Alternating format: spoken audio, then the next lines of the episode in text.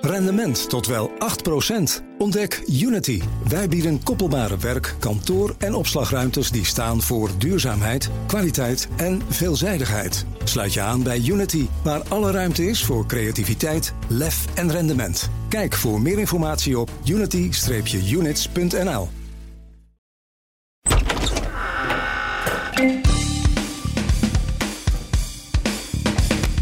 We hebben het deze zomer over de versplintering van het politieke landschap.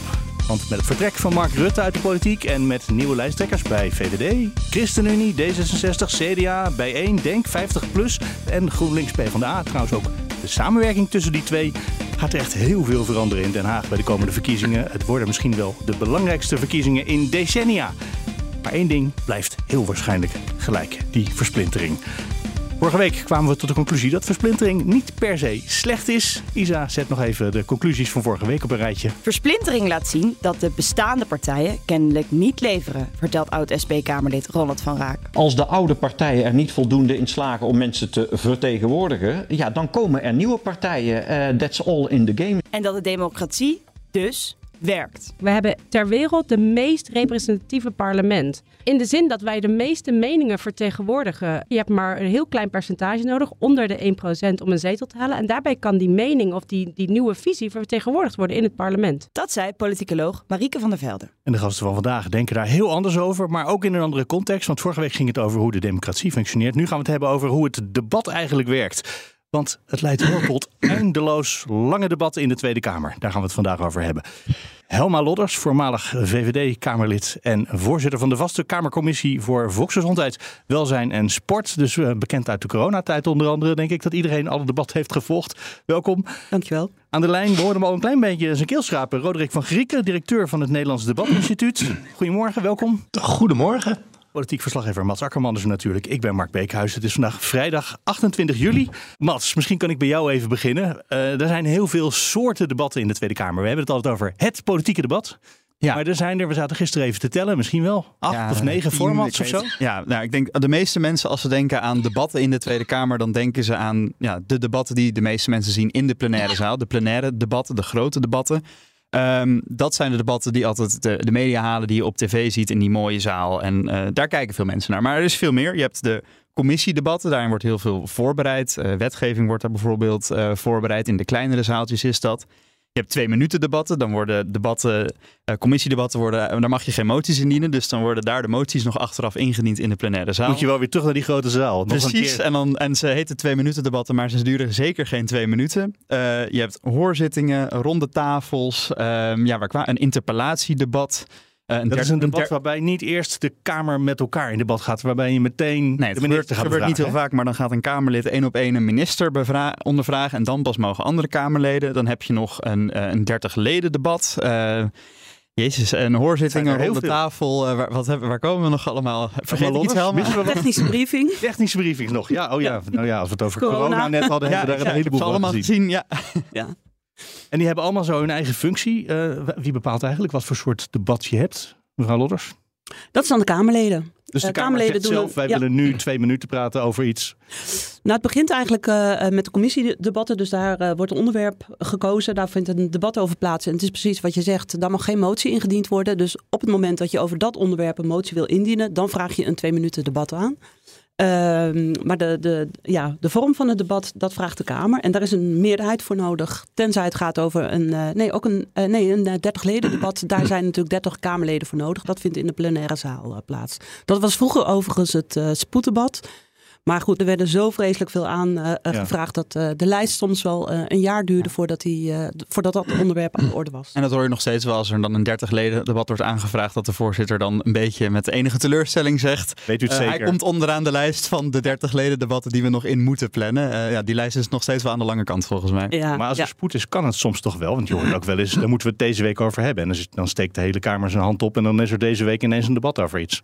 Dat kan, maar dan moet er inderdaad een meerderheid zijn. Dat is geen 30 ja, in de Tweede Kamer. 76 ja. stemmen nodig. Dan heb je echt uh, 76 stemmen nodig. En het 30 leden debat dat is natuurlijk wel bedoeld een, uh, om een debat ook door de oppositie op de agenda te krijgen. En ik vind het wel jammer dat het op deze manier gaat. Want dat betekent dat uh, voor de oppositie is het echt heel lastig om soms onderwerpen die nou, iets minder actueel zijn, maar voor de oppositie wel belangrijke punten om die geagendeerd te krijgen. Oh, heel regelmatig gaat gewoon de hele oppositie ervoor liggen. Of de hele, coalitie. ervoor liggen. En dan komt er gewoon geen debat. Terwijl wel erg het debat van de, in ieder geval in de samenleving is. Ja. of een vervelende die ik ook wel eens heb gezien, is dat dan oppositiepartijen uit verschillende hoeken een debat proberen aan te vragen. Volgens mij afgelopen jaar bijvoorbeeld over het onderwerp ouderenzorg. Wordt dan een paar keer geblokkeerd. En dan denkt een coalitiekamerlid op een gegeven moment, ik vraag het aan en dan wordt het wel geaccepteerd. En dan lijkt het alsof het coalitiekamerlid het debat op de agenda zet. Terwijl het eigenlijk al een paar keer geblokkeerd is, uh, terwijl de oppositie dat eerder voorstelde. En dan mag dus, je ook nog als eerste praten. Er worden politieke spelletjes. Ja, precies, want de aanvrager mag als eerste spreken. Dus er worden af en toe ook wel politieke spelletjes ingespeeld op de achtergrond. Ja. Roderick van Grieken, jij analyseert debatten. Uh, doet de Kamer het goed? Hebben ze een goede formats uh, tot hun beschikking? Ja hoor, ik denk dat die formats op zich allemaal uh, best wel kloppen.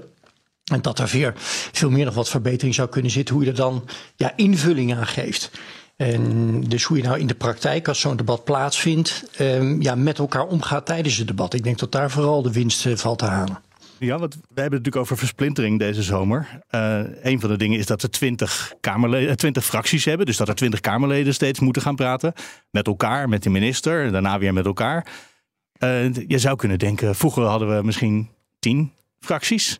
Ja, daar, heb je, daar horen andere formats bij om te vergaderen. Maar je zegt nee, daar hoef je eigenlijk niet, niet op aan te passen. Nee, want kijk, ja, ja, ze moeten toch allemaal aan het woord kunnen voeren. Dus daar kan je, uh, ja, en dat kost nu eenmaal met twintig partijen, kost dat, uh, kost dat veel meer tijd. Nou, de vorige keer hebben dat al behandeld, dat er best veel redenen zijn uh, die daarvoor pleiten dat, je, dat we zo'n lage kiesdrempel hebben. Alleen, waar, waar ik me af en toe aan stoor, is dat je tijdens zo'n debat moet je dan wel twintig verschillende standpunten horen. Dan voegt het wat toe. Maar op het moment dat een, een groot deel van die twintig partijen die het woord voeren min of meer hetzelfde zeggen. Ja, dan voegt dat weinig toe aan het debat en dan wordt het storend. nou ja, je zou het natuurlijk ook helemaal anders kunnen inrichten. Je zou kunnen zeggen, alle Kamerleden hebben een aantal seconden. En als ze zich verzamelen in een fractie of uh, losse leden met z'n met vijven ineens zeggen... één iemand gaat namens ons vijven praten... dan krijg je met z'n vijven de minuten van die vijf Kamerleden. Uh, of je zou kunnen zeggen, we gaan niet Kamerleden met elkaar laten debatteren, maar bijvoorbeeld meteen met de regering, want die moeten ze controleren. Dus je kan het toch op hele andere manieren organiseren? Uh, ja, maar, ja, maar die, die varianten heb je dus al. Hè? Die werden net al genoemd. Hè? Er zijn dus varianten waarin je met name uh, richting het kabinet bevraagt. Maar je zou er ook echt varianten nodig hebben waarin je met elkaar in debat gaat. En dan zou je inderdaad kunnen zeggen, dat gebeurt nu af en toe al wel. Hè? Dat je zegt van nou, namens mijn fractie spreekt iemand anders van een andere fractie. Um, maar dat zou in de praktijk wat mij betreft nog veel meer kunnen gebeuren. Tegelijkertijd is dan wel de vraag of de kiezer nog, het nog snapt. Want, hè, want die denkt dan, hè, hoe, hoe werkt dat nou? Dat, nou ja, ik heb op, uh, op partij A gestemd en dan gaat partij B gaat namens die partij het woord voeren. Ja. Dus het moet ook nog wel herkenbaar zijn voor die kiezer. Die moet nog wel snappen wat er gebeurt. Allemaal lodders. Ik zit in stemmen te knikken, ja. Maar is dat omdat ik denk, ja, wat we nu hebben is eigenlijk wel het palet wat we nodig hebben? Of omdat ik denk, nee, we zouden het anders kunnen doen en misschien is dat handig. U bent heel veel Kamervoorzitter ook geweest natuurlijk. Ja, ja, nee, ik denk dat er allerlei verschillende mogelijkheden zijn om het debat met elkaar uh, te voeren. Ik denk dat in commissieverband uh, zijn er echt wel, uh, zien we hele goede voorbeelden dat fractie mede namens elkaar het woord voeren. dat kan in zo'n commissievergadering ook, want dat is wel het verschil daar is minder uh, media-aandacht voor. Dus uh, als we het hebben over herkenbaarheid, dan zie je dat mensen dat ook best wel aan elkaar willen, laten, willen overlaten om uh, het woord te voeren. Maar als we het hebben over een plenair debat, dat is natuurlijk wel het debat wat ook door de media ge gevolgd wordt, quotes gepakt worden. En ja, je ziet daar een drang om aanwezig te zijn en jezelf te profileren. Dus bij de commissiedebatten zie je dat iets meer. Ik denk dat dat, en ik hoop ook dat dat eigenlijk meer zal gaan uh, gebeuren. En ja, ik ben het met uh, Roderick niet helemaal eens uh, dat uh, voor de kiezer herkenbaar moet zijn. Want ik geloof niet dat heel veel kiezers al die debatten volgen. Ja, en ik denk inhoudelijk dat je... zijn die het interessantst, de commissiedebatten. Want daar wordt gewoon eigenlijk hardop gesproken wat mensen vinden. Ja, daar, daar wordt veel gedaan. Maar kijk, de herkenbaarheid voor de kiezer, die kan je ook op een andere manier doen. En ik hoorde het net in het voorstukje van Ronald van Raak, die aangaf, je bent volksvertegenwoordiger. Nou, precies die rol als volksvertegenwoordiger, die zou veel uh, meer uitgevent moeten worden. En dat betekent op het moment dat jij je werk doet in de, in de Tweede Kamer, dat is deels ook uh, achter de schermen. En je hebt zelf ook de verantwoordelijkheid om weer uh, terug te gaan naar jouw kiezer. Om te delen van hè, hoe, hoe jij met onderwerpen omgaat. Aan de ene kant, eerst ga je informatie ophalen. Maar het is ook aan jou als volksvertegenwoordiger de plicht om het terug te brengen. En dat hoeft niet per se via landelijke media. Nee, ga ook het land in. Ga met mensen in gesprek. En ik denk dat een kiezer daar veel meer op zit te wachten dan op uh, van die vreselijke uh, quotes hoe we elkaar uh, het huis uitjagen. Ja, ja ik denk wel dat hier versplintering komt erin. Want vroeger had je veel partijen die hadden misschien 30, 40, 50, je kan bijna niet meer voorstellen, zetels. En dan was het op zich prima, want dan had je misschien tien Kamerleden die de media konden halen en misschien een beetje het verhaal konden vertellen. En die andere 40 konden eigenlijk doen wat u zegt. Maar als je allemaal partijen hebt met acht, negen zetels, uh, dan zie je toch wel vaak dat de Kamerleden die het, het minst de media halen, het minst scoren. Dus uh, ik zie niet meer een aanhalingstekens die ik met mijn vingers maak. Maar uh, ja, die verdwijnen vaak dan weer van de kieslijsten. Dus in die zin ja, zit de versplintering misschien op die manier het debat wel in de weg. Nou, dat weet ik niet. Als, uh, uh, met, met een fractie van 40, 50 personen, dan is het inderdaad moeilijk om jezelf te profileren. Maar ik heb ook altijd de stelling gehad, ook in mijn tijd in de, in de fractie welk onderwerp je ook hebt, er is altijd een groep mensen in het land die daarmee te maken hebben. Dus je kan je wel degelijk profileren. En dat is misschien niet uh, het meest uh, sexy item, uh, wederom tussen aanhalingstekens, in de media. Maar je, je kan wel je, de mensen in het land daarmee opzoeken. En er werd wel eens de, de, de grap gemaakt van, nou dan word je woordvoerder kokkelvisserij. Nou, daar werd ik altijd best wel een beetje pissig over. Want dat is een belangrijke uh, sector. Dat is een onderdeel van. Uh, je zal er maar werken. Je zal er maar werken. Het is, uh, ja, weet je. Dus ga daar niet de grap mee, mee halen. Ook dat is een belangrijk onderwerp. Ja, maar misschien is dit dan, want ik vraag natuurlijk nu aan de politicus, die, en die zegt ja, maar we hebben de hele politiek en daarin valt het debat is een klein stukje.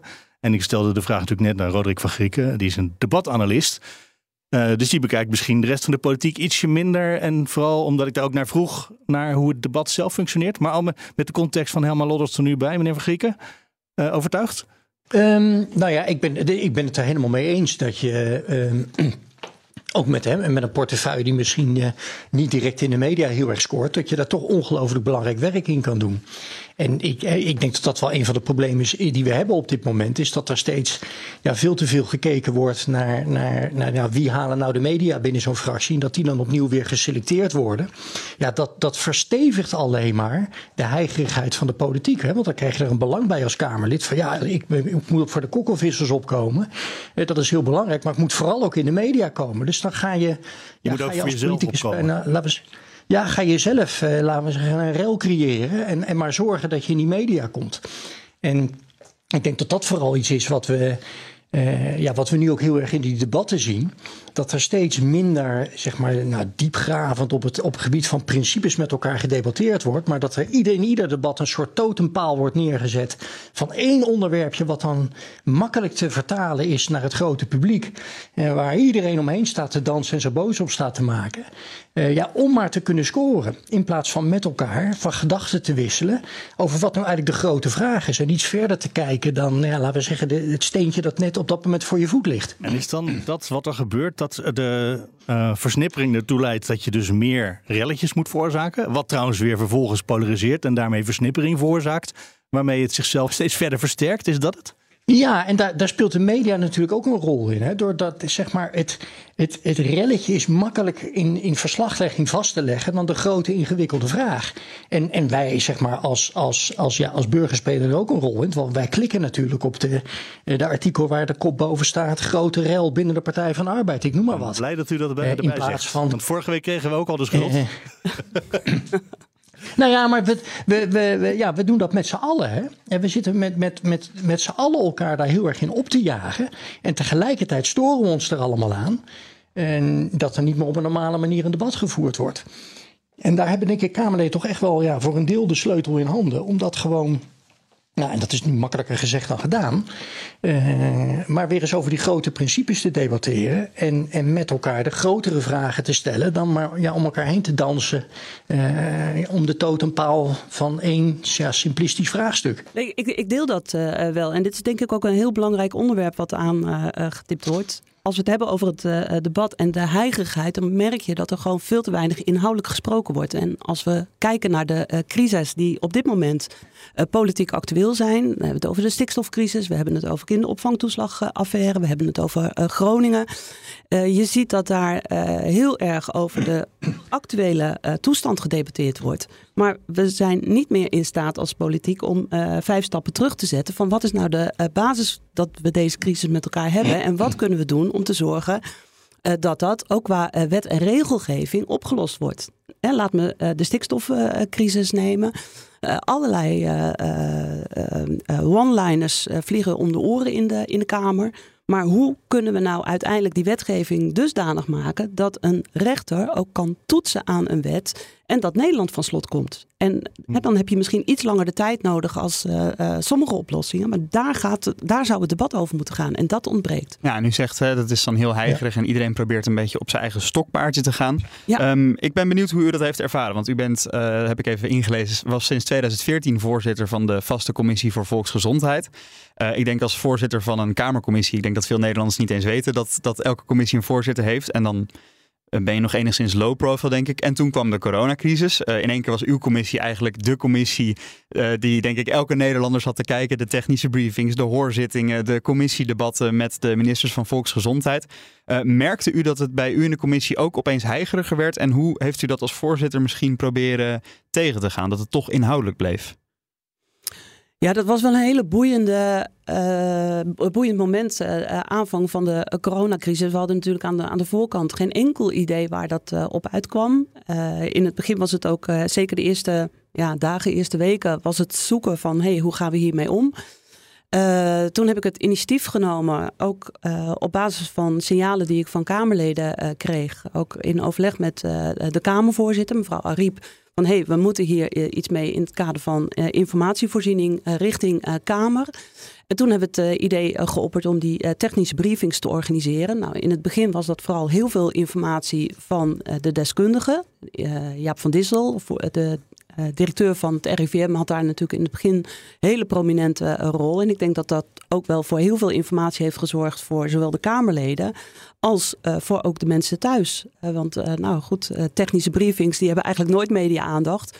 Maar, maar toen, toen, hadden we kijkcijfers niet te geloven. Maar, maar, ja, maar ik denk wel dat daar een ontwikkeling in te zien was. Dat aan het begin hè, was wat Jaap van Dissel zei, dacht iedereen, nou dat was bijna een soort heilig. Hij zal het wel weten, hij is de man. Maar zeker verderop in die crisis, die toch erg lang duurde, zag je dat Kamerleden als uh, Fleur Agema van de PVV, uh, Wiebren van Haga. Um, Um, en ik, ben even, ja, ik weet niet meer wie er toen allemaal in die commissie zaten. Maar het werd steeds kritischer. En het werd bijna ook, ook fel op hem en op zijn persoon. Ja. En um, lijkt me toch lastig als, als voorzitter van een debat. Hoe, hoe pakt u dat aan, zeg maar? Ja, nou dat zag je inderdaad in de loop van de tijd. Uh, werden de technische briefings uh, uh, politieker. En nou, een technische briefing, dat, de naam zegt het al, dat is eigenlijk technische informatie delen met de Kamerleden. En de politieke analyse, het zou thuis moeten horen in het, of moeten plaatsvinden in het debat. Uh, de technische briefing werd ook altijd gevolgd door een uh, debat. En als voorzitter probeerde ik wel uh, daar het onderscheid in te maken. Nee, dit is de informatie. Dit zijn de sprekers die hun expertise delen. En het politieke standpunt, dat zou moeten plaatsvinden in het debat. Want daar zit dan ook de minister bij, of de minister-president in veel gevallen tijdens de coronacrisis. En een technische briefing, het debat voer je niet met een directeur van het RIVM. Je kan inhoudelijke vragen stellen, dat is prima. Maar nogmaals, die politieke uh, analyse, die moet plaatsvinden in het debat. En iedereen weet dat, maar het levert wel leuke video's op. Hè? Dus het is heel moeilijk voor Kamerleden om zich in te houden. Uh, zeker, zeker. Ja, en uh, als voorzitter was dat ook altijd, uh, nou kan ik wel zeggen, best wel een klus om het op een goede manier te stroomlijnen. We hadden beperkt tijd. We hadden ook natuurlijk allerlei coronaregels die ook in de Kamer golden. dus dat was. werd nauwelijks meer vergaderd. Nee, nee, zeker in het begin uh, ja. eigenlijk helemaal niet. Dus dat kwam pas uh, ja, weken later op gang dat er ook andere debatten plaatsvonden. Maar dat was uh, als, als voorzitter soms best lastig om te sturen. Maar ja. ja, en als ik dan even naar Roderick kan gaan. Want ja, wat, wat, hey, jij doet dit al heel lang, debatten analyseren. We hebben veel voorzitters gezien, ondervoorzitters van al die commissies. wat is nou het geheim van een goede voorzitter volgens jou? En um, ja, dat eigenlijk. Nou ja, ik denk dat je zo'n voorzitter heel goed goed kan vergelijken met een scheidsrechter. Die moet eigenlijk uh, aan de ene kant zo onzichtbaar mogelijk zijn, maar tegelijkertijd wel nou, daar staan als het even nodig is. En dan uh, mijn ervaring is, als ik naar die debatten kijk, dat vooral je een, een, een rol te spelen hebt aan het begin van zo'n debat. Om dan heel erg duidelijk de kaders af te stellen van wat je toelaat of wat je niet toelaat. Ook dat kan je weer vergelijken met een, een scheidsrechter tijdens een wedstrijd. Um, wat voor, en dat wat dan voor heel soort afspraken denk je dan aan? Uh, wat moet er afgesproken zijn? Nou, wat, wat bijvoorbeeld uh, vind ik veel meer zou moeten, en nogmaals, in de praktijk is dat moeilijker dan om dat hier even te zeggen, uh, is dat bijvoorbeeld bij interrupties die bij debatten gesteld worden, een interruptie moet een vraag zijn en dat moet niet een eigen betoog zijn. En wat je steeds meer ziet gebeuren, is dat mensen als ze gaan interrumperen gewoon een betoog houden van anderhalve minuut en dan eindigen met nou en is uh, nou ja uh, mevrouw Lodders van de VVD het met mij eens of niet. En dan is dus die vraag, daar ging het mij helemaal niet meer om. Het gaat mij gewoon om dat ik mijn eigen verhaal kan vertellen. En ik vind dat je als voorzitter daar veel strakker op zou moeten sturen. In, moet België, je, is uw vraag? een, uh, in België hebben ze een stopwatch, een grote stopwatch in de vergaderzaal hangen. Ik denk wel eens in de Tweede Kamer Nou ja, dat, ze het daar ook nodig hebben. En, nou, dat, dat, dat, dat zou ook nog eens een keer kunnen. Maar bijvoorbeeld, we hadden het nu even over die rol van die, van die voorzitter, wat die kan doen. Dat is makkelijker Nou, toch? dit Als de is nou 20 iets- seconden zijn om en dan moet je je vraag gesteld hebben, anders ben je klaar. Nou, dat is een goede suggestie, eh, Ja, dat denk kan- ik. Dat, zou kan de wel. voorzitter Ja, dat zou helpen. zeker kunnen. Maar ik zou het eerst eens op de, ehm, op, de, op de zachte manier willen proberen. Dat is dat je de klok niet nodig hebt, maar dat gewoon de voorzitter het probeert te doen. Als dat niet werkt, eh, kan een klok heel goed. Hè? Je ziet dat in, in, in, in, in de gemeenteraad. Ik, nou, ik zit zelf in de, in de gemeenteraad in, eh, in Hilversum. Eh, daar hebben we gewoon per, per raadsvergadering heb je eh, als fractie bijvoorbeeld 16 minuten spreektijd over die hele vergadering te verdelen. Dus dat dwingt je om van tevoren al heel goed na te denken. Wat vinden wij nou een belangrijk onderwerp? Waar willen we ons punt gaan maken? Welke interruptie ga ik plaatsen? Want ik heb maar zoveel tijd. Dus je mag En een verhandeling van eigenlijk- 16 minuten houden, maar je mag ook 16 minuten vragen stellen en helemaal niets eh, zelf vertellen. Ja, Geweldig. je mag dat helemaal zelf invullen. En dan weet je En het- precies het- hoe lang het debat gaat het- duren. Zeker. En het dwingt je, ik vind de grootste winst, er zitten ook nadelen aan, maar de grootste winst is, is dat het je je veel beter voorbereidt. Omdat je gedwongen wordt van tevoren na te denken, wat is nou eigenlijk het punt wat ik die avond wil maken? En eh, nou ja, zoiets zou je ook in de Kamer kunnen doen. Het, deels is dat er natuurlijk al, hè, qua eerste termijn spreektijd en hoeveel interrupties je mag plaatsen. Maar daar zou je nog meer mee kunnen doen. Ja, misschien, kunnen we even naar, naar Helemaal Loddersfeer. Van e- even voor mensen die er niet super verdiept in zijn. Hoe werkt het eigenlijk? We hebben de eerste termijn, de tweede termijn. eh, en dan is er de spreektijd. En volgens mij loopt er ook zo'n klok bij de Kamerleden die de voorzitter aan en uit kan zetten. Maar gewoon even een schets van hoe zo'n een, normaal debat verloopt, zeg maar. Ja, dat scheelt natuurlijk wel een beetje per eh, debat. Maar als we het hebben over een plenair debat, dus een debat in de plenaire zaal, dan heb je aan de voorkant bij een, eh, een normaal debat krijg je een spreektijd. Op Dat basis waarvan? Eh, meestal is het vier minuten, maar soms wordt er bij de aanvraag van het debat wel eens gezegd van nou, het is zo'n groot of breed onderwerp, dus we willen een minuutje extra. Maar je weet over het algemeen hoeveel spreektijd je hebt, dus gaan we even uit van vier minuten. Dan eh, als je het, achter het spreekgestoelte eh, komt te staan, dan eh, loopt er een klok op de desk en zie je precies waar je eh, staat. Dus in je voorbereiding moet je rekening houden met eh, vier minuten spreektijd. Dat is ook streng als je, als je een goede voorzitter hebt. Daar word je ook echt wel op, eh, op aangesproken. Maar wat dan vervolgens aan de hand is, dat is het aantal interrupties. En daar worden soms wel, soms niet afspraken over gemaakt. En op het moment dat een interruptie, dus dat is gewoon een vraag gesteld wordt door een van de Kamerleden uit, uit de plenaire zaal, ja, dan kan je daarop antwoorden. En dan kan je natuurlijk, dat begint al bij de vragen stellen. Dus ook precies wat Roderick zegt. Ja, als je eerst je eigen standpunt alles gaat eh, bekendmaken, dan, dan ben je al een minuut, anderhalve minuut eh, bezig. En dan komt eh, je vraag. Dus daar moet je als voorzitter goed op sturen. Want een interruptie is een vraag. Dus daar je zou je toe moeten meteen een antwoord van anderhalve minuut. Vervolgens krijg je een antwoord. En, Ja, eh, het antwoord gaat niet af van de spreektijd. en het antwoord gaat, want de klok wordt stilgezet. Dus het gaat niet af van de spreektijd. En het is eigenlijk, kan je dat, als je een beetje handig bent als, eh, als Kamerlid, kan je dat benutten om extra spreektijd. En je ziet ook wel eh, daar af en toe. Eh, situaties eh, eh, plaatsvinden dat er nou, soms zelfs achter de schermen wordt gevraagd: joh, stel me even een vraag, want ik heb eigenlijk te weinig spreektijd om mijn punt te maken. En op die manier kan je zo eh, nou, twee, drie minuten eh, extra spreektijd creëren. Dat zag je bijvoorbeeld soms bij afsplitsers. Hè. Pieter Omzicht is afgesplitst van het CDA. Daarom is zijn spreektijd gehalveerd. Ja. En dat dan andere Kamerleden uit sympathie voor hem expres hem vragen gaan stellen. Zodat hij wel de tijd heeft om alle punten te maken die hij wil maken. Maar dat Ja, gaat maar wel ver- af van hun vragen, want ze Nee, mogen er maar ja, zes stellen of zo. ja, het gaat nog- af van hun En interrupties. dan van die, inderdaad. eh, ja, van Ja. die interrupties. Maar, Ja. maar Roderick van Grieken, dat, dat kan wel heel erg het debat vertragen, dit hele interruptie-circus. Ja, ja daar, daar zou, als we dan toch beter zijn met, met eh, suggesties voor verbetering. ehm, waar ik voorstander voor zou zijn, is dat die spreektermijn, dat dat beschermde spreektijd zou worden. Dus dat je, als je vier minuten hebt voor jouw eerste termijn, dus zeg maar jouw speech eh, tijdens het debat, en dat je niet geïnterrumpeerd wordt tijdens die vier minuten. Waarom niet? Ik denk dat het een aantal voordelen heeft. Allereerst krijg je dan de kans om even jouw volledige verhaal te vertellen, zodat ik ook als luisteraar en als andere fractie snap wat de redenering van jouw partij is. En als die redenering dan af is, dan kan ik daarna vragen stellen. Dus ik denk dat het veel, heel veel helderheid zou geven in het debat. Het tweede voordeel is dat het ook wel leiden dat er wat minder interrupties komen omdat je, hè, dan heb je het hele verhaal gehoord. Misschien valt er al één of twee interrupties al weg. Eh, kijk, nu wordt vaak interrupties ook gebruikt om te ontregelen. Dat is bijvoorbeeld wat, waar, waar Geert Wilders heel goed in is. Om gewoon direct aan het begin van het betoog, wam, direct vol erin. Om eigenlijk de hele, de hele eh, aandacht af te leiden van het betoog wat iemand houdt. En de aandacht te vestigen op jouw interruptie.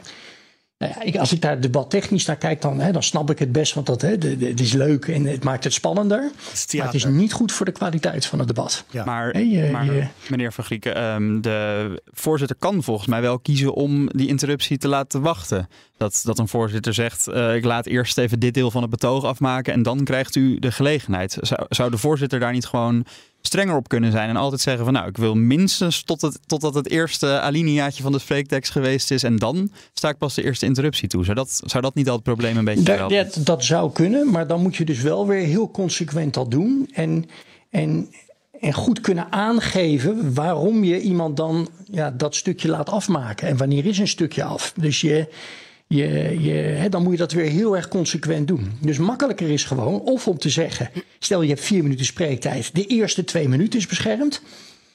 En na twee minuten mag je interrumperen. Of gewoon de hele, eh, de hele termijn is beschermd en na de interrupties. Dan heb je gewoon een makkelijke regel die je consequent kan toepassen. En, en waar je ook het minst gesteggel kan krijgen van... goh, waarom laat je die nou wel eerst een blokje afmaken... waarom bij die persoon niet?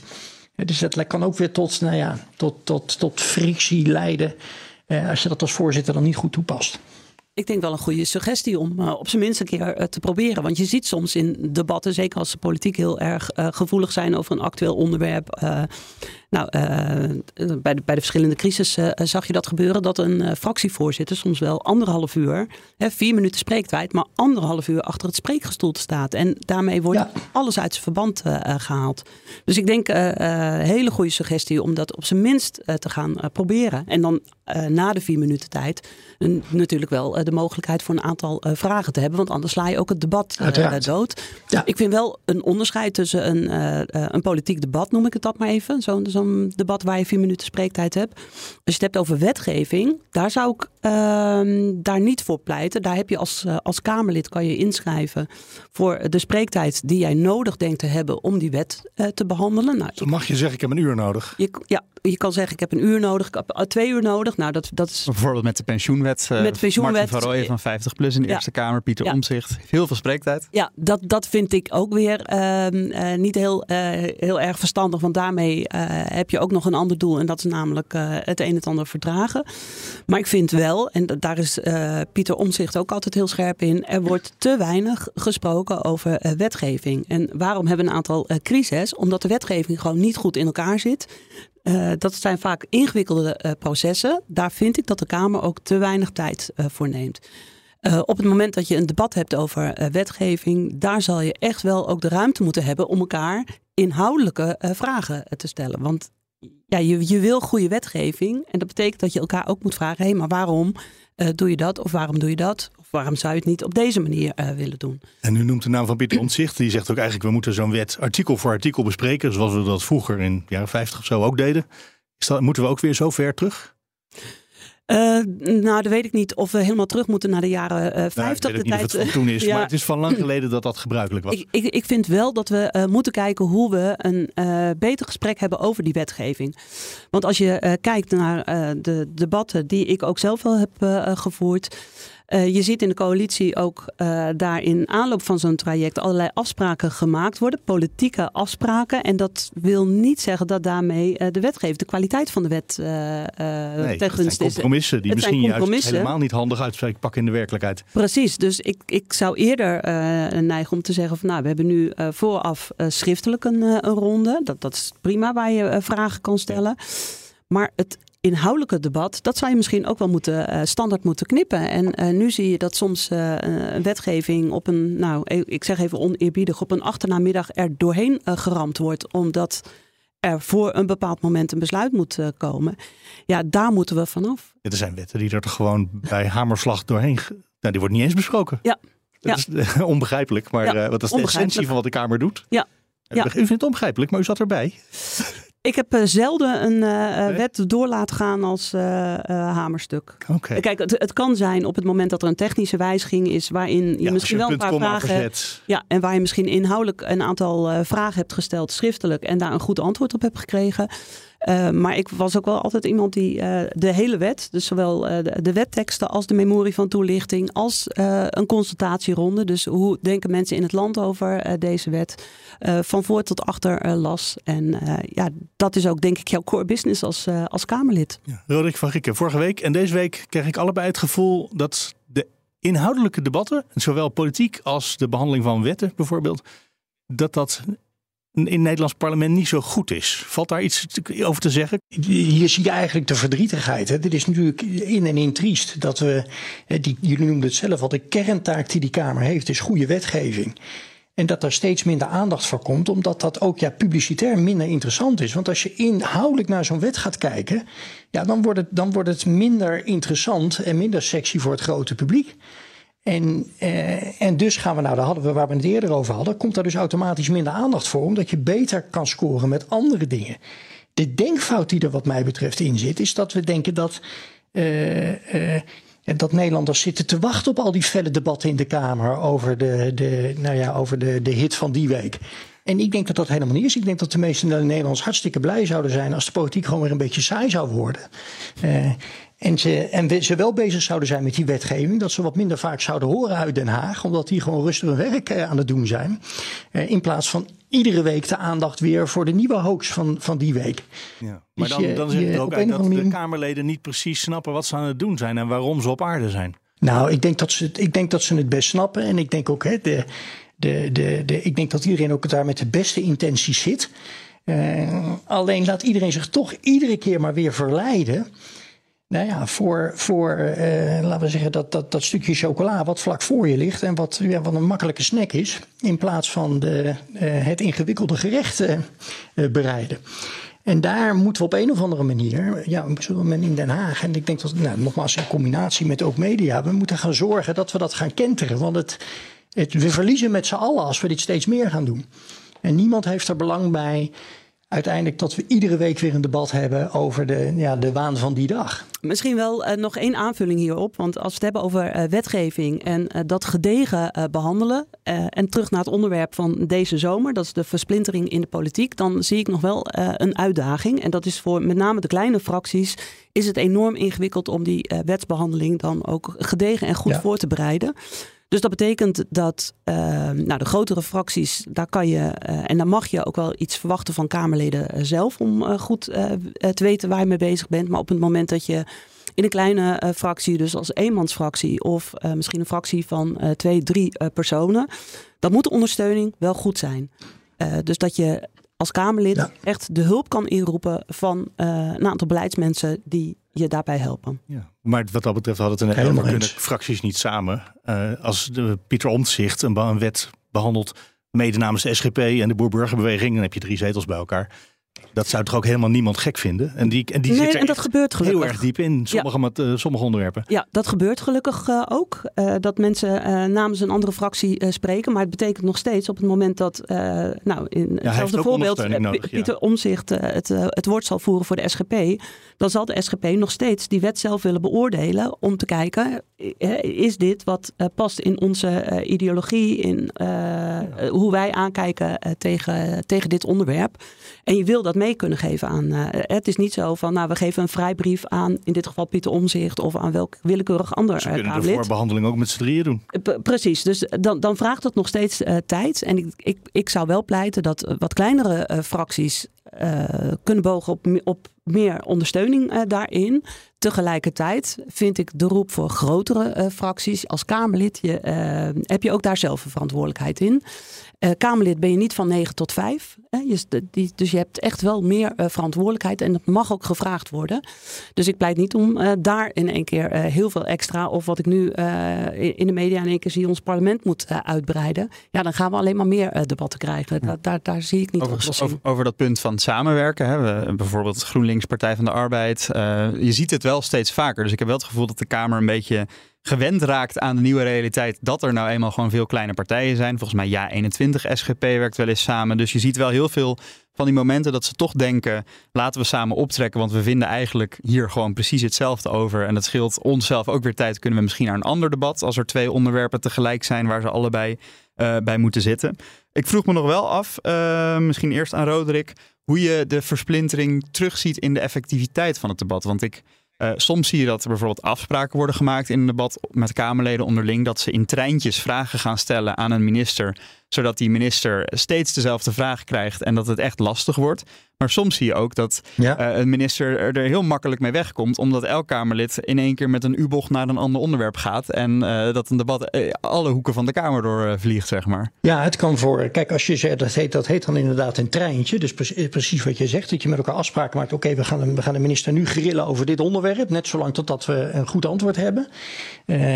maar het wordt inderdaad voor een minister vaak juist heel makkelijk. Als inderdaad iedere keer er weer een totaal nieuwe vraag komt van een andere fractie. Hè, dan waait zo'n debat alle kanten op. Dus je hebt als Kamer er wel belang bij om met elkaar daar wel goede afspraken over te maken. En ja, dat je strategisch dat debat aangaat. Ja, dat, dat is ingewikkelder met meer fracties in de Kamer om dat soort afspraken te maken. Omdat, ja, nogmaals, mensen toch ook weer hun eigen punt willen scoren. Dus je je, maar verstandig is het wel om dat te doen. Of is versplintering hier misschien juist handig? Als je zegt, je hebt maar zes fracties waarvan er drie in de regering zitten.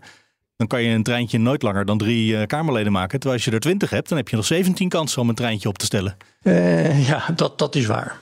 Maar als je, als je een treintje van 20 nodig hebt om een, om, om een punt duidelijk te maken, dan is het, uh, dan is het wel heel erg veel. Wat, wat hier overigens, hebben, vooral nu uh, kijken we naar uh, de Kamer en Kamerleden. Hoe zouden we het debat daar ja, beter kunnen stroomlijnen? Ik denk dat we ook moeten kijken naar het, het kabinet en de minister die in zo'n debat zit als we uh, kijken, de minister die mag uh, nou, de inbreng van de Kamerleden horen. Dan gaat hij de, de, de, interrupties, de vragen richting elkaar van als, als Kamerleden.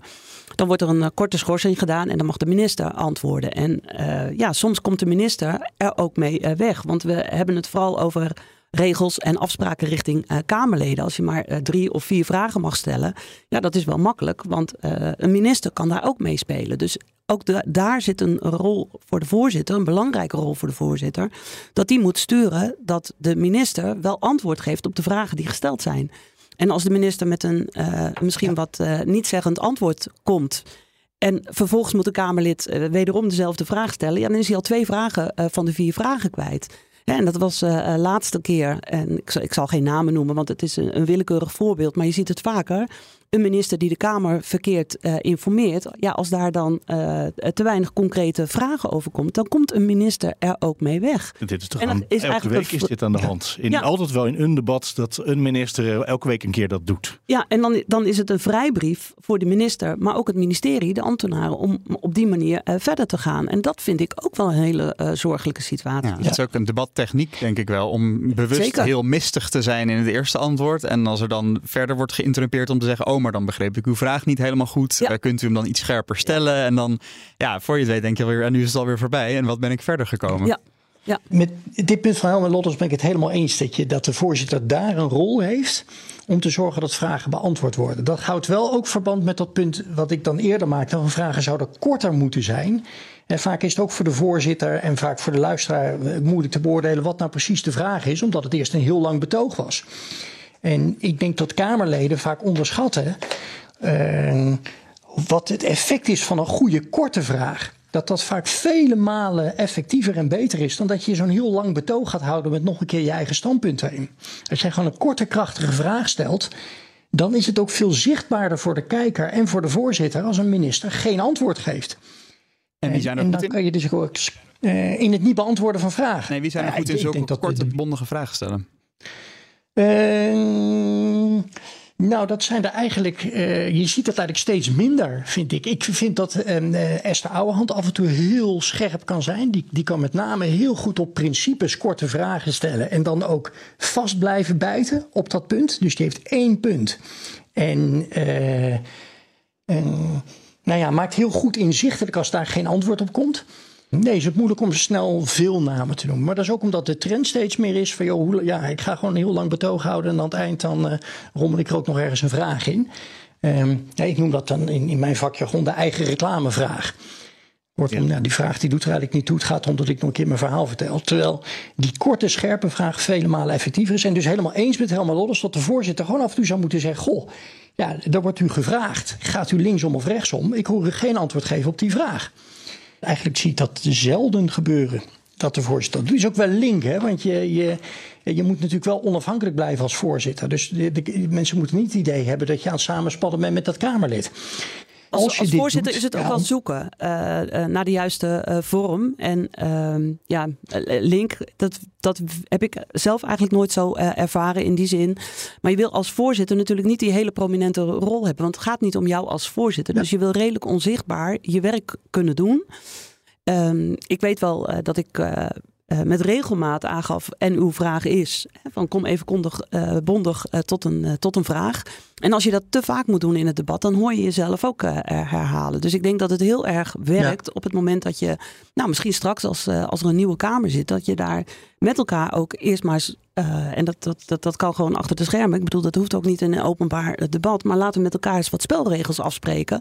Hoe we de effectiviteit van de, van de Kamer, maar daarmee ook de effectiviteit van de regering, die aan de andere kant van de tafel zit, kunnen verbeteren. En dat het aantrekkelijker eh, wordt. Want uiteindelijk zitten we daar niet voor onszelf. Eh, althans, dat Ja. lijkt soms Om zo iets te wel. bereiken zit je. Maar je, je, zit, je bent eh, volksvertegenwoordiger en je wil iets bereiken voor Nederland. Voor de mensen hè, door wie en voor wie je gekozen bent. Eh, en, en dat is je core business. Daar moet je mee bezig zijn. Misschien een hele andere vraag, maar zien we ook nu de, de versplintering en ook het feit dat Kamerleden steeds eh, korter zitten, zien we dat ook terug in hoe dat terugkomt in debatten? Want we hebben dus eh, voorzitters van commissies die minder ervaring hebben, Kamerleden die misschien minder de, de hele werkwijze kennen. Ehm, maakt, zie- ziet u dat terug zeg maar, in hoe de debatten eh, verlopen, dat dat minder soepel loopt? Nou, dat speelt zeker mee. Want eh, ik bedoel, als je eh, Kamerlid eh, wordt, dat is echt. Ik, ik, en ik spreek uit ervaring. Het is echt een, een wereld die je Anders, aan de voorkant niet kan eh, bedenken. Ja, tenzij je daar eh, natuurlijk al wat langer in andere functies eh, rondloopt, dan heb je daar misschien iets meer eh, zicht op. Maar je hebt echt de eerste periode dat je Kamerlid no- eh, bent, heb je nodig om eh, te weten hoe werkt de Kamer, hoe gaan procedures, eh, eh, hoe, hoe werkt het. Hè? Want mensen denken vaak in een, een politiek debat. Daar vindt eh, de afstemming eh, plaats over welk punt eh, wil, ik, wil ik maken en hè, wat, wat kan ik ook maken. Maar dat is natuurlijk helemaal niet waar. De, afspraken maak je al aan de voorkant. Dus dat begint al bij een procedurevergadering. Dat begint al in overleggen met elkaar bij een technische briefing of bij een ronde tafelgesprek. dus weet je, voordat je die procedures eh, scherp hebt als, kamer, eh, als Kamerlid, dan ben je echt eh, een paar jaar verder. Toch zie je het Kamerleden wel eens doen in een debat. Dat ze dan halverwege zeggen, ik ga straks een motie indienen met deze strekking. Gaat u mij dan steunen? En dan meestal is het antwoord nee trouwens. Maar dus er zijn wel mensen die het tijdens het debat echt nog proberen.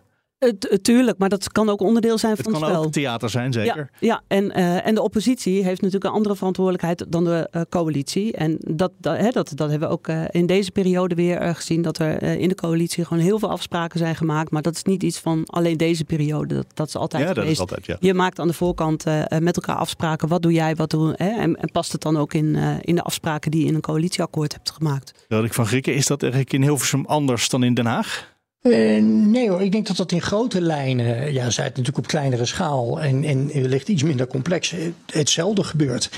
En het leuke is dat ik, ik, ik heb natuurlijk al jarenlang die debatten geanalyseerd. En sinds een, een, een, een jaar ben ik dan zelf ook gemeenteraadslid. En dan ja, ontdek je een hele nieuwe kant van de politiek, die tot dat moment voor mijzelf wat onderbelicht was gebleven. Maar precies wat Helma Lodders nu beschrijft. Dat je eigenlijk aan het begin als zoiets in een commissie voorbij komt, dat je dan al, dan heb je een heel ander gesprek met elkaar. En dan ben je veel meer met elkaar aan het verkennen van, joh, wat is nou ja, het zwaarste punt binnen dit dossier waar we het over moeten hebben.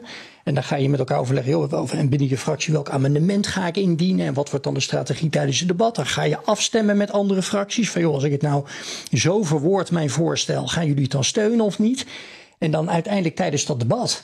En ja, ben je nogal echt het debat aan het voeren, maar wel met al die kennis die ook deels achter de schermen heeft plaatsgevonden. Wat prima is ook dat dat achter de schermen gebeurt. Uh, ja, in je achterhoofd. Dus de kijker naar zo'n debat, die ziet een.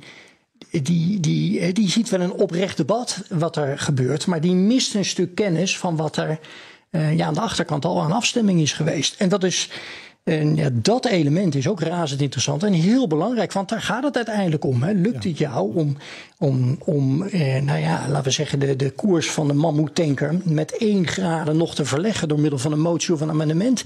Dat is waar je er uiteindelijk voor zit. Ik heb nog een laatste ding waar ik nog wel even zou willen bij stilstaan. Maar dat moet worden ingeleid met een fragmentje. Dat is in de Eerste Kamer. Uh, Marjolein Faber van de PVV en de voorzitter van de Eerste Kamer, Jan-Anthony Bruin. Uh, laten we eerst even luisteren. Maar als er iets geregeld moet worden om de energieprijzen voor de eigen burgers betaalbaar te houden, geeft dit kabinet niet thuis. Een prijsplafond, dat scheen volgens dit kabinet niet te kunnen. Wat een afgang. Toen bleek dat het wel kon. Minister Kaag brabbelde wat D66 vakjargon, iets over een samenspel tussen nou, overheid... Nee, nee hoor. Een... Toch weer onderbreken. Ja. U heeft het nu over een minister uh, op een toon... Wilt u de tijd stilzetten? Die hier niet passend is. En ik verzoek u dus om dat niet te doen, mevrouw Faber. Het is vervelend dat ik u nou iedere keer moet onderbreken... omdat u elke keer over de grens gaat die ik trek. Maar ik blijf hem echt trekken. Ja, uh, zij wordt hier uh, stilgelegd omdat ze het woord brabbelen gebruikt. Ik vind dat niet heel schokkend. Maar het is denk ik een heel veel voorkomend uh, onderwerp voor voorzitters. Wanneer leg je het debat stil? Misschien ja, eerst mevrouw Lodders. Ja, Moet dat waar, strenger zijn waar ligt die, van versplintering? Waar ligt die grens en hoe, hoe subjectief is dat? Ja, dat vind ik een hele lastige vraag waar je uh, de grens uh, legt. Want dat is voor iedereen uh, verschillend. Daarom ik hem ook. ja, ja, snap ik, snap ik. want de oppositie of mensen die in dit geval ehm, de PVV steunen, die zullen dat prachtig vinden hoe mevrouw Faber het woord voert. En ja, andere mensen kijken daar heel anders naar. Ik, ik vind zelf ehm, Kamerlid dat, dat, ja, dat, dat, uh, dat, dat is een belangrijke functie. En ik vind dat je met fatsoen met elkaar om moet gaan. En uh, je moet taal bezigen hoe jij zelf ook uh, bejegend zou willen worden. Dus op het moment dat, dat je niet wil dat het over jou gezegd wordt, dan moet je ook niet zelf die taal gebruiken. En daar heb je zelf als, als Kamerlid een belangrijke verantwoordelijkheid in. Ik, ik snap in dit geval de voorzitter dat je een grens trekt. Ik vind het wel belangrijk. En ik kan niet oordelen of dat dat, dat alleen richting mevrouw Vader was of, of uh, dat het breder was.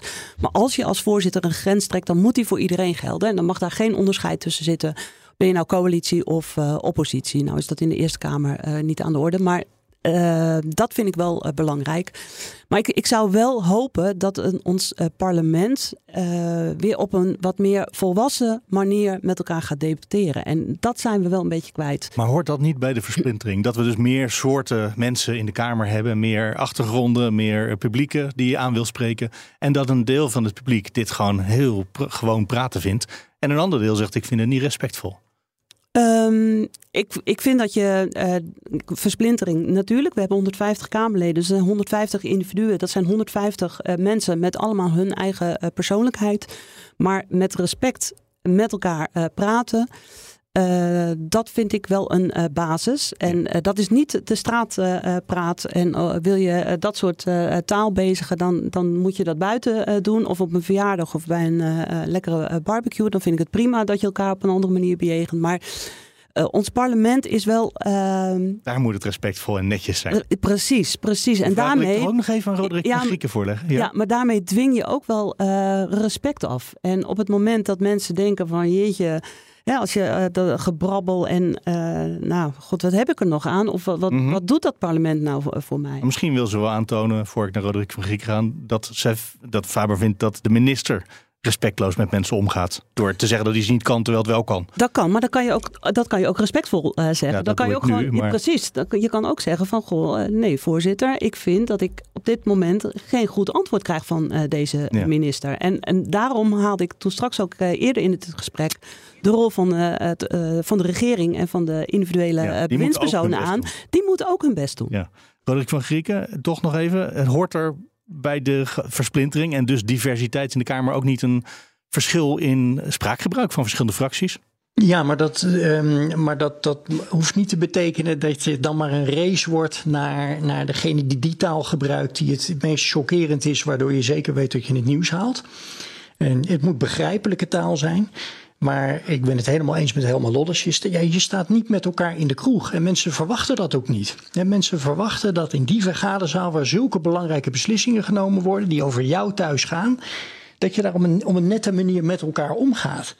En, en dat, dat, betekent dat je wel duidelijke taal moet spreken. Maar je moet ja, in dit geval niet zeggen dat een minister aan het brabbelen is. Dat kun je ook op een andere manier zeggen. Het voegt niks toe, anders dan dat het een beetje chockerend is. En dat, het, dat je er nou, wellicht weer het nieuws mee haalt door het op die manier te zeggen. Inhoudelijk voegt het niets toe. En daarom vond ik in dit geval dat de, de voorzitter van de Eerste Kamer dat heel goed doet. Je moet het alleen wel ongelooflijk consequent doen. En dat doet hij, want Dat hij is, heel, heel eh, heel ingewikkeld maakt. streng daarin en altijd heel streng daarin. Ja, en dan is er nog één trucje wat Kamerleden eh, in mijn eh, ogen of oren vooral vaak doen op het moment dat het woord wordt ontnomen. In welke situatie dan ook, omdat de interrupties op zijn, de spreektijd op is. En Punt dat is orde. dat ze een punt van orde willen maken. en dat mag volgens mij altijd. Ja, een punt van orde mag, eh, mag je altijd Ja. maken. Maar ook daar is het aan de voorzitter om te bepalen of het echt een punt van orde is. Want het wordt eh, te pas en te onpas eh, de politieke arena ingeslingerd tijdens een debat. Dan mag je op dat moment direct dat punt van orde maken. Maar daar zijn echt wel spelregels bij. En ook daar moeten we mee ophouden. Misbruik dat niet. Dus ik zou echt aan iedere voorzitter die straks ook weer. Eh, hè, want eh, na, de, na de zomer zullen er misschien niet zo heel veel eh, debatten meer plaatsvinden. Maar zeker ook voor die nieuwe Kamer. eh, ga goed met elkaar de spelregels afspreken. En met elkaar ook de afspraak maken van... jongens, laten we nou op een fatsoenlijke, respectvolle manier met elkaar omgaan. Minder punten van orde. Dat De moeilijkheid daarbij is wel, tot slot, dat je de. De, de, ik ben het daar helemaal mee eens. Maar op een, ook daar kun je weer de, ja, de, de metafoor met een voetbalwedstrijd gebruiken. Eh, voor de wedstrijd zal iedere speler van ieder team het erover eens zijn dat we het fair play principe moeten, moeten toepassen. Dat je op het veld netjes met elkaar om moet gaan. Maar ja, zodra je dat veld oprent in, in de Champions League finale, eh, dan heb je nog maar één doel en dat is winnen. En dus het feit dat je die afspraken maakt, wil nog niet zeggen dat het dan in de wedstrijd er ook netjes aan toe gaat. En daarom heb je die voorzitter nodig, die op Ja. dat moment iedere keer mensen ja, in de toom ziet te houden. En dat is een hele zware, maar verantwoordelijke functie, maar die wel ja, belangrijk is om die goed in te vullen. Nou, misschien voor mij dan toe doen. Ja. Ja, nog één afsluiter eh, op dit eh, punt. Ik denk, eh, als je met, met een nieuwe periode weer begint, dus daar komen eh, nieuwe eh, voorzitters eh, worden naar, naar, naar voren ge- gebracht door, door de fracties. Ik denk dat daar ook wel een, stukje training bij kan zitten en met elkaar afspraken maken van goh, hoe gaan we nou ook als, als die verschillende commissievoorzitters met elkaar om. hè, hebben een beetje dezelfde lijn te pakken. Dus ik denk dat daar echt ook wel werk is eh, aan de winkel is voor de, voor de Kamervoorzitter om dat te managen. Aller, allerlaatste vraag aan mevrouw Lodders. Welke huidige of oud Kamervoorzitter zou deze training moeten geven? Wie was de beste ooit? Oh, ik, eh, ik heb altijd voorgenomen om dit soort eh, functioneringsgesprekken niet in de media te doen. Want als je een naam noemt, doe je andere mensen tekort. Ehm, Noem er één die. Ja. Ja, nou ja, ik, ik vond mevrouw Verbeet vond ik daarin eh, altijd een hele eh, goede Kamervoorzitter. Maar ja, dat zal niet iedereen delen. Mevrouw Riep had ook eh, een goede kwaliteit als het gaat om eh, het voorzitten van het debat. Dus ja, weet je, Ook een beetje smaak. het is ook een beetje smaak. Zeker. Ja. Goed, nu komen we echt bij het einde. Dank Helma Lodders, voormalig VVD-Kamerlid, voorzitter ook geweest van een van de commissies. Roderick van Grieken, directeur van het Nederlands Debatinstituut. Dankjewel ook Mats.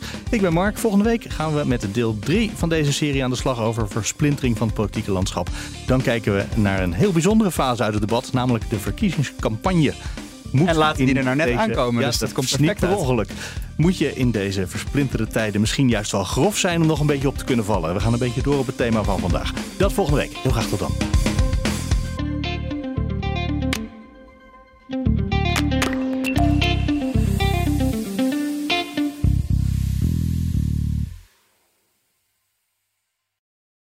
Rendement tot wel 8%. Ontdek Unity. Wij bieden koppelbare werk, kantoor en opslagruimtes die staan voor duurzaamheid, kwaliteit en veelzijdigheid. Sluit je aan bij Unity, waar alle ruimte is voor creativiteit, lef en rendement. Kijk voor meer informatie op unity-units.nl.